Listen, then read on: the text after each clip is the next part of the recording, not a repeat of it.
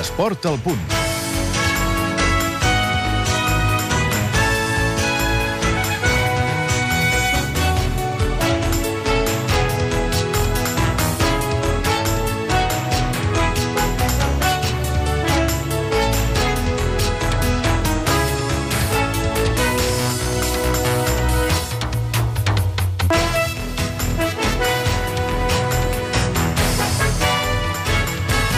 Ens apugen l'aigua, la llum i la gasolina. Hem de pagar les receptes. Treballem més i cobrem menys.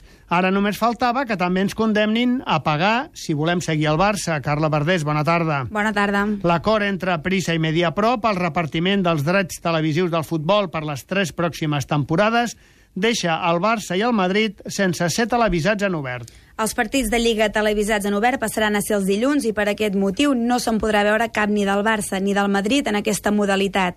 Així ho estableix l'acord pels tres propers anys entre Prisa i Mediapro, les dues grans operadores que reparteixen en exclusiva els drets televisius del Barça i del Madrid. A partir d'ara, per tant, només podrem seguir el Barça si tenim contractats Canal Plus i Golte. Si algú vol seguir tots els partits del Barça a la Lliga, més o menys quan haurà de pagar? En principi, si no canvien les coses, ara mateix costaria uns 50 euros al mes. Golte costa 16 amb 90 al mes, Canal Plus costa 22, però també cal tenir contractat Canal Plus Liga, ja que alguns partits de Barça i de Madrid es veuran en aquest canal. Per tant, Canal Plus i Canal Plus Liga són ja 39 euros al mes. Així doncs, veure tots els partits del Barça des del sofà de casa costaria ara mateix 55 amb 90 euros al mes. A tot això cal sumar-li la pujada de l'IVA que passa del 8 al 10% a partir de l'1 de setembre. Així, l'opció més econòmica i la que sembla que serà la que es decantaran la majoria dels aficionats serà el bar. No, no, jo me'n vaig al bar i ja està. Surt més barat, prens una cervesa i, i, i quan t'assembla t'aixeques i te'n vas i ja està. Perquè de l'altra manera és car. Perquè una plataforma és car, car. El que passa que ara ens haurem forçats a sortir més, el qual potser no és el millor moment, perquè clar, quan vas a un bar hi ha molt d'ambient, penso que també és maco veure-ho en un lloc públic, però també et força, si vols veure el partit, a una despesa, gran o petita, però hi ha una despesa. Uh, de prendre alguna cosa, de menjar un entrepà o el que sigui. Y aleshores, pues claro, no, no ens sembla massa bé. Eh, muy mal, una cosa muy mal, porque la gente que le gusta el fútbol, para no ver un partido como Barça-Madrid, me parece muy, muy mal. Em sembla una mica malament, suposo que és qüestió de diners, però s'haurà d'acceptar el que vingui. Si no els fan amb mano obert, per lògica, no, no els miro. Només hi anava al camp, bueno, vaig al camp. Yo que ya me, me compré una tele grande, nada más que para ver el partido de los Barça, y ya de repente ya lo quitan, bueno, macho. Em sembla fatal a mi, perquè els partits que es podran veure en obert seran segurament partits dolents, del Barça no en podrem veure ni un, i si, com és el meu cas, tens nens petits, l'opció d'anar al bar no és gaire factible i l'altra opció de pagar, doncs, amb, amb l'època que estem, tampoc gaire gent li deu anar bé. Que faré? Anar al bar, com sempre. Per internet també, sí, clar, però es veu millor al bar, es veu millor al bar i ja està, no, no... És que no es tindria que pagar per veure un esport. Yo no pienso pagar por ver el fútbol, eso lo tengo clarísimo. Pagar eh, por Canal Plus, Can Gol Televisión y Canal Plus 1, apaga y vámonos, porque es que no llegas. A final de mes ni, ni amarrado. Que recorten los precios del fútbol también. Ya está. Ja sabem on i com podrem veure els partits si no anem als estadis en directe, però encara no sabem si Barça i Espanyol modificaran les seves plantilles en les immediates hores. Podria passar perquè tots dos estan a punt de tancar dos fitxatges. Jordi Borda, bona tarda. Bona tarda. Albert Benet, bona tarda. Bona tarda. Al Barça el nom propi és Alexander Song. Poques novetats al respecte. Hi ha negociacions entre Barça i Arsenal. La novetat eh, ve protagonitzada per el plenipotenciari tècnic de l'Arsenal. Arsène Wenger acaba de fer una conferència de premsa a Londres prèvia al primer partit de la Premier League. L'Arsenal debuta contra el Sunderland i ha reconegut per primer cop, i això és important perquè té un paper determinant en l'operació, doncs Arsène Wenger ha reconegut per primer cop que el traspàs d'Alexander Song de l'Arsenal al Barça és una possibilitat eh, que es pot complir. I don't know. At the moment, my focus is more on tomorrow. No ho sé. De moment estic centrat en guanyar el primer partit. Al mig del camp és una àrea diferent, especial, perquè tenim 9 o 10 migcampistes de primer nivell mundial i avui tenim just 6 o 7 migcampistes disponibles. Aquesta és una àrea on tenim més marge per prendre decisions. We, can, we uh, have much more freedom to make decisions. Mentrestant, el Barça no ha d'oblidar el partit de diumenge a les 9 contra la Real Societat. És el primer partit de la Lliga, és el mateix debut que la temporada passada, però en camp canviat. El Barça va debutar la temporada passada en la Lliga al camp d'Anoeta. La Real Societat arriba al Camp Nou amb l'esperança d'aprofitar el que algun dels seus jugadors ha dit en públic com els problemes que té el Barça en el primer partit de la competició oficial. Va perdre contra l'Hèrcules fa dues temporades i els jugadors de la Real Societat esperen eh, aprofitar-ho eh, també en aquesta visita al Camp Nou. I pareu atenció ara a les declaracions que Iker Casillas ha fet a la televisió mexicana Univision. El porter del Madrid i capità de la selecció espanyola reconeix que intenta aplicar a la selecció l'exemple de personalitats del futbol com ara Guardiola, Luis Enrique o Abelardo. Bueno, pues inculcar aquellos valores que me han, que me han inculcado gente tan importante como Fernando Hierro, como Raúl González, como Fernando Redondo, como Roberto Carlos, como Guardiola, como Abelardo, como Luis Enrique y así un sinfín de jugadores que han pasado o he pasado cerca de ellos a lo largo de mi vida futbolística. O sea, que creo que, que es dejar un poco el camino para la gente que va a venir después, para los más jóvenes, que creo que tienen un futuro muy, muy, muy grande. No només això, que Iker Casillas es mulla només per diplomacia en la disputa Cristiano Ronaldo-Messi. Mm, yo no me puedo decantar por ninguno y si tengo que decantarme por alguno quizás es más por Cristiano, que le tengo más en mi equipo y le conozco más, ¿no? A Messi le tengo que sufrir siempre enfrente de los partidos, pero mm, creo que estamos hablando de los dos mejores jugadores del mundo ahora mismo. O sea, creo que si solo hubiese uno, no sería bueno para el fútbol. O sea, si solo existiese Cristiano, no creo que sea bueno para el fútbol. O que solo, si solo existiese Messi. Yo creo que lo, bueno es la rivalidad entre, entre ellos, la rivalidad que tenemos todos, que, que quién le puede gustar a uno, quién le puede gustar a otro, sobre todo también para los periodistas, para la opinión pública del fútbol. Pero creo que lo que salimos beneficiados somos los que nos gusta el fútbol. Si el nom propi a Can Barça és Alexander Song, el nom propi a l'Espanyol és Simao Sabrosa. L'Espanyol tanca avui el fitxatge de l'extrem portuguès de 32 anys i que firmarà per una temporada amb opció una segona. Simao Sabrosa, ex del Barça de l'Atlètic de Madrid, entre altres equips, s'ha desvinculat del Besiktas turc i arriba lliure de traspàs. Simao passarà la revisió mèdica aquesta mateixa tarda i més tard el club donarà oficialitat a la incorporació. El futbolista portuguès arriba per aportar qualitat i experiència. És el tercer fitxatge d'un perfil semblant que fa l'Espanyol aquest estiu. Els de Capdevila i Coloto també anaven en aquest sentit, compensar una plantilla jove i tendra. Després del fitxatge de Simeu Sabrosa, Pochettino espera l'arribada d'un davanter. L'equatorià Caicedo continua sent l'objectiu prioritari i el club l'esperarà el que calgui. El locomotiv de Moscou no està posant les coses gens fàcils. Falten només dues setmanes perquè es tanqui el termini de fitxatges i l'Espanyol ha sondejat naturalment altres noms per si l'arribada de Caicedo acaba sent impossible. No són els únics moviments de les últimes hores a Cornellà al Prat. Paral·lelament, els dos Christians que van arribar la temporada passada de l'Hospitalet ja són a tots els efectes jugadors del primer equip.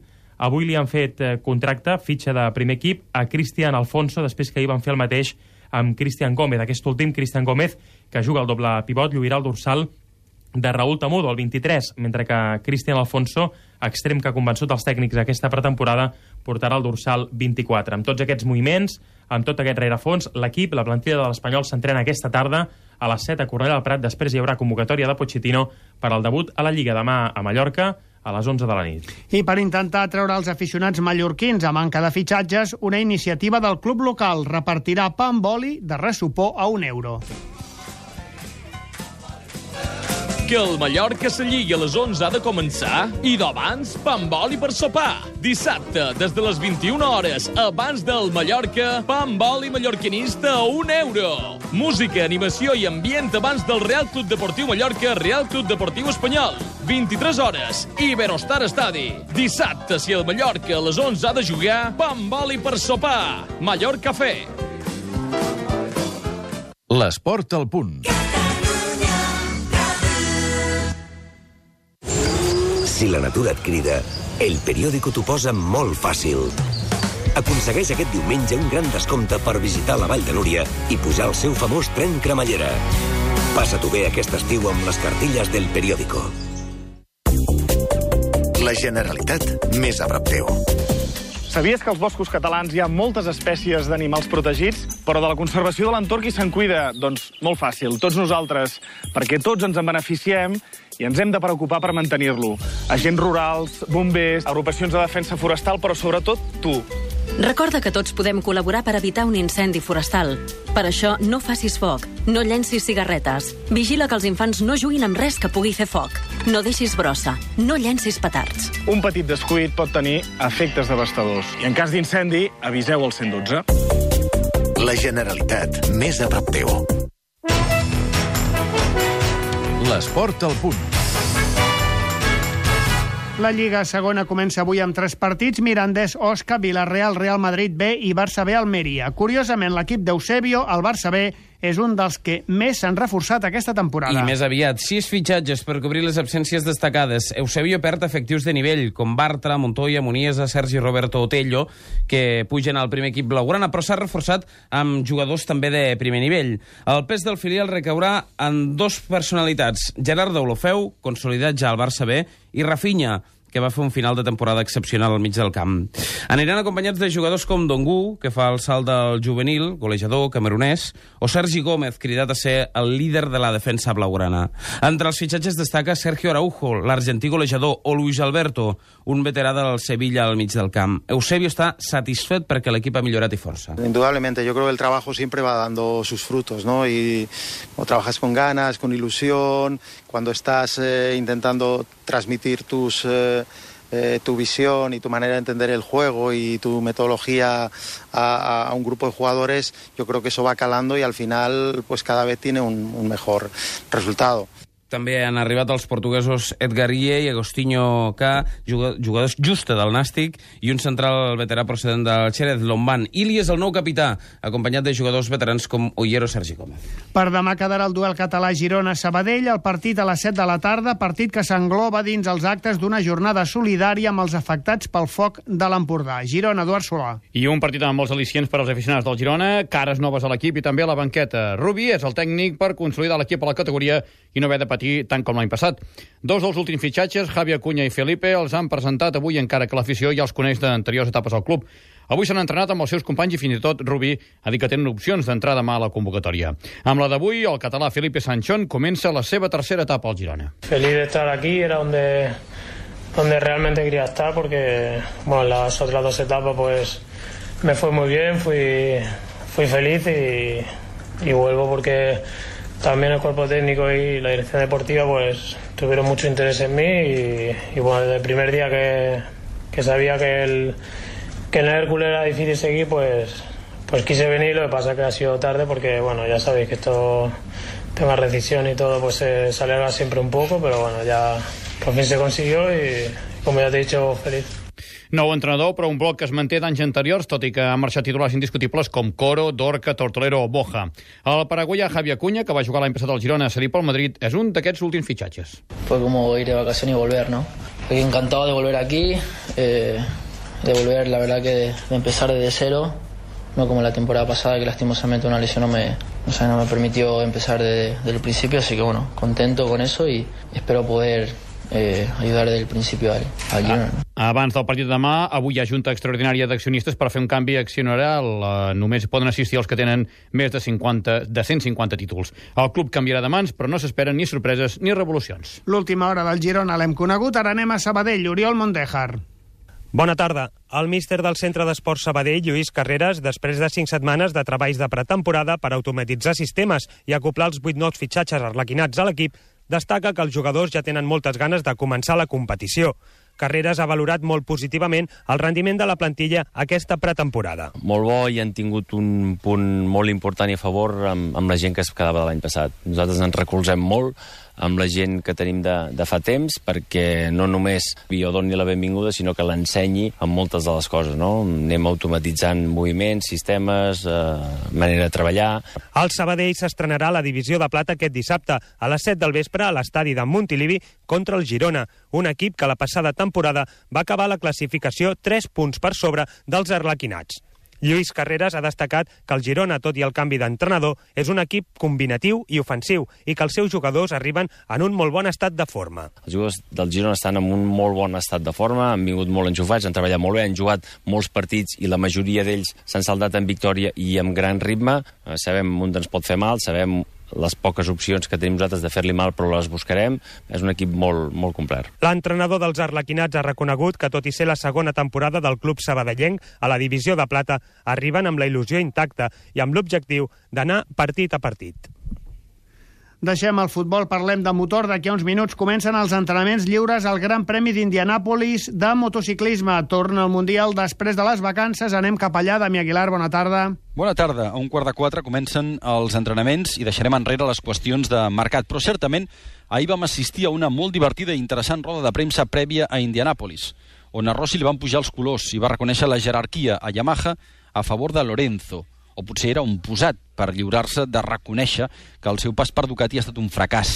Ahir Valentino va fer el paper de Shai, donant raons de per què torna a Yamaha. For sure the 10 title is, uh, is a dream. And, uh, Sumar un desè títol és un somni i podria ser un objectiu, però ara heu de comprendre que en la meva situació necessito saber si encara sóc ràpid, si encara estic entre els millors pilots, si encara puc lluitar per la pole position o si encara puc lluitar pel podi. Després d'aquests mesos tothom té dubtes, i jo també. Because I don't know, after uh, two seasons like this, uh, nobody know, also me. Valentino no pot negar l'evidència, no ho ha fet bé amb la moto de Bologna, i ha tirat del discurs dels pilots que necessita disfrutar a sobre de la moto i sobretot està motivat a l'hora d'arribar a un circuit. Diu que la seva idea és retirar-se més enllà dels 36 anys, però que els resultats decidiran. Mentrestant, Jorge Lorenzo explicava que podria haver vetat Rossi però no ho ha fet i no pensa que aquesta reculada de l'italià des de Ducati sigui o una qüestió de calés o per política de campionat. Cuando uno ha conseguido dinero, como, como es el caso de, de nosotros cuatro, sobre todo, al final el dinero no es, no es, lo importante. Cuando no lo tienes sí que es muy importante, ¿no? Pero cuando ya tienes mucho dinero, pues eh, no le das tanta, tanta importancia. No creo que ni Dorna ni Carmelo influyan tantísimo como, como algunas personas creen en estas cosas. I avançant situacions esportives, a MotoGP Lorenzo té 23 punts sobre Pedrosa i 32 sobre Stoner en aquesta represa del Mundial. El de Castellà diu que en les 8 curses pendents ha de millorar clarament resultats. És important seguir el ritme que portàvem, però, però amb, amb resultats més, més forts. Uh, el rival està a 23 punts per davant i, i és una diferència encara salvable, però sens dubte és més favorable amb ell que, que a mi no, en aquest moment. Per tant, hem de fer bones curses seguides amb bones posicions, intentant estar davant sempre per, per restar punts eh, constantment. Per cert que Héctor Barberà té permís dels metges per pujar-se a la Ducati. Per tant, Toni Elias està de suplent de moment. A Moto2, Márquez té 34 punts sobre Espargaró i Llanone i ve d'un test a Portugal en què ha resolt força problemes de posada a punt. A Moto3, Maverick Viñales té l'objectiu de recuperar 9 punts respecte al líder, Sandro Cortese. Des d'un quart de 4 d'aquesta tarda estarem explicant-vos com es desenvolupen els entrenaments a Indianàpolis i serà fins les 10 d'aquesta nit. I demà comença a Pamplona la Vuelta Ciclista Espanya 2012, retorn de luxe Alberto Contador. Purito Rodríguez, Albert Losada, Joan Antoni Fletxa i Xavi Florencio seran els catalans del gran grup. I totes les mirades se centraran en Alberto Contador. El ciclista madrileny ve de molts mesos sense competir per la sanció que li va imposar el TAS. La setmana passada va disputar l'Eneco Tour, la Volta a Bèlgica i Holanda, per tornar-se a aclimatar les proves per etapes. Contador explica com arriba la Vuelta. Voy con, con el objetivo de, de luchar por, por, la victoria, ¿no? Soy consciente de que hay muchísimos corredores que, que se han preparado al 100%, que, que, van con el mismo objetivo que yo y bueno, eh, a, a, veces se puede ganar y a veces no, no se puede ganar, ¿no? Desde luego que, que sí que he trabajado muy duro para, para llegar lo mejor, lo mejor posible, estoy muy motivado, especialmente ilusionado en, en la carrera de, de, tu casa, que no, no estoy aquí desde, desde el año 2008 y bueno, lo que estoy seguro es que, que por lo menos eh, vamos a disfrutar. L'edició d'aquest any de la Vuelta tindrà dues etapes a Catalunya, una amb sortida a Lleida i arribada a Andorra i l'altra amb sortida a Andorra i arribada a Barcelona. Les etapes de muntanya seran determinants en la prova, sobretot l'Inèdit, Cuito Negro, al Principat d'Astúries. Va ser eh, realmente duro, muy duro, va ser también muy espectacular y va a ser un día que va, que va a marcar la vuelta, no solo por el cuito negro, sino porque se empalma de, de subir el puerto de, de, Pajares y luego los dos puertos eh, anteriores que, se suben también tienen una exigencia grandísima y bueno, eh, yo creo que, que ese día marcará la, la Vuelta a Espanya. Acabarem amb bàsquet. El Barça ha anunciat la renovació dues temporades de Víctor Sada. El club es reserva una opció de pròrroga després d'aquestes dues temporades. Amb Víctor Sada acabem. Gràcies per la vostra atenció i bona tarda.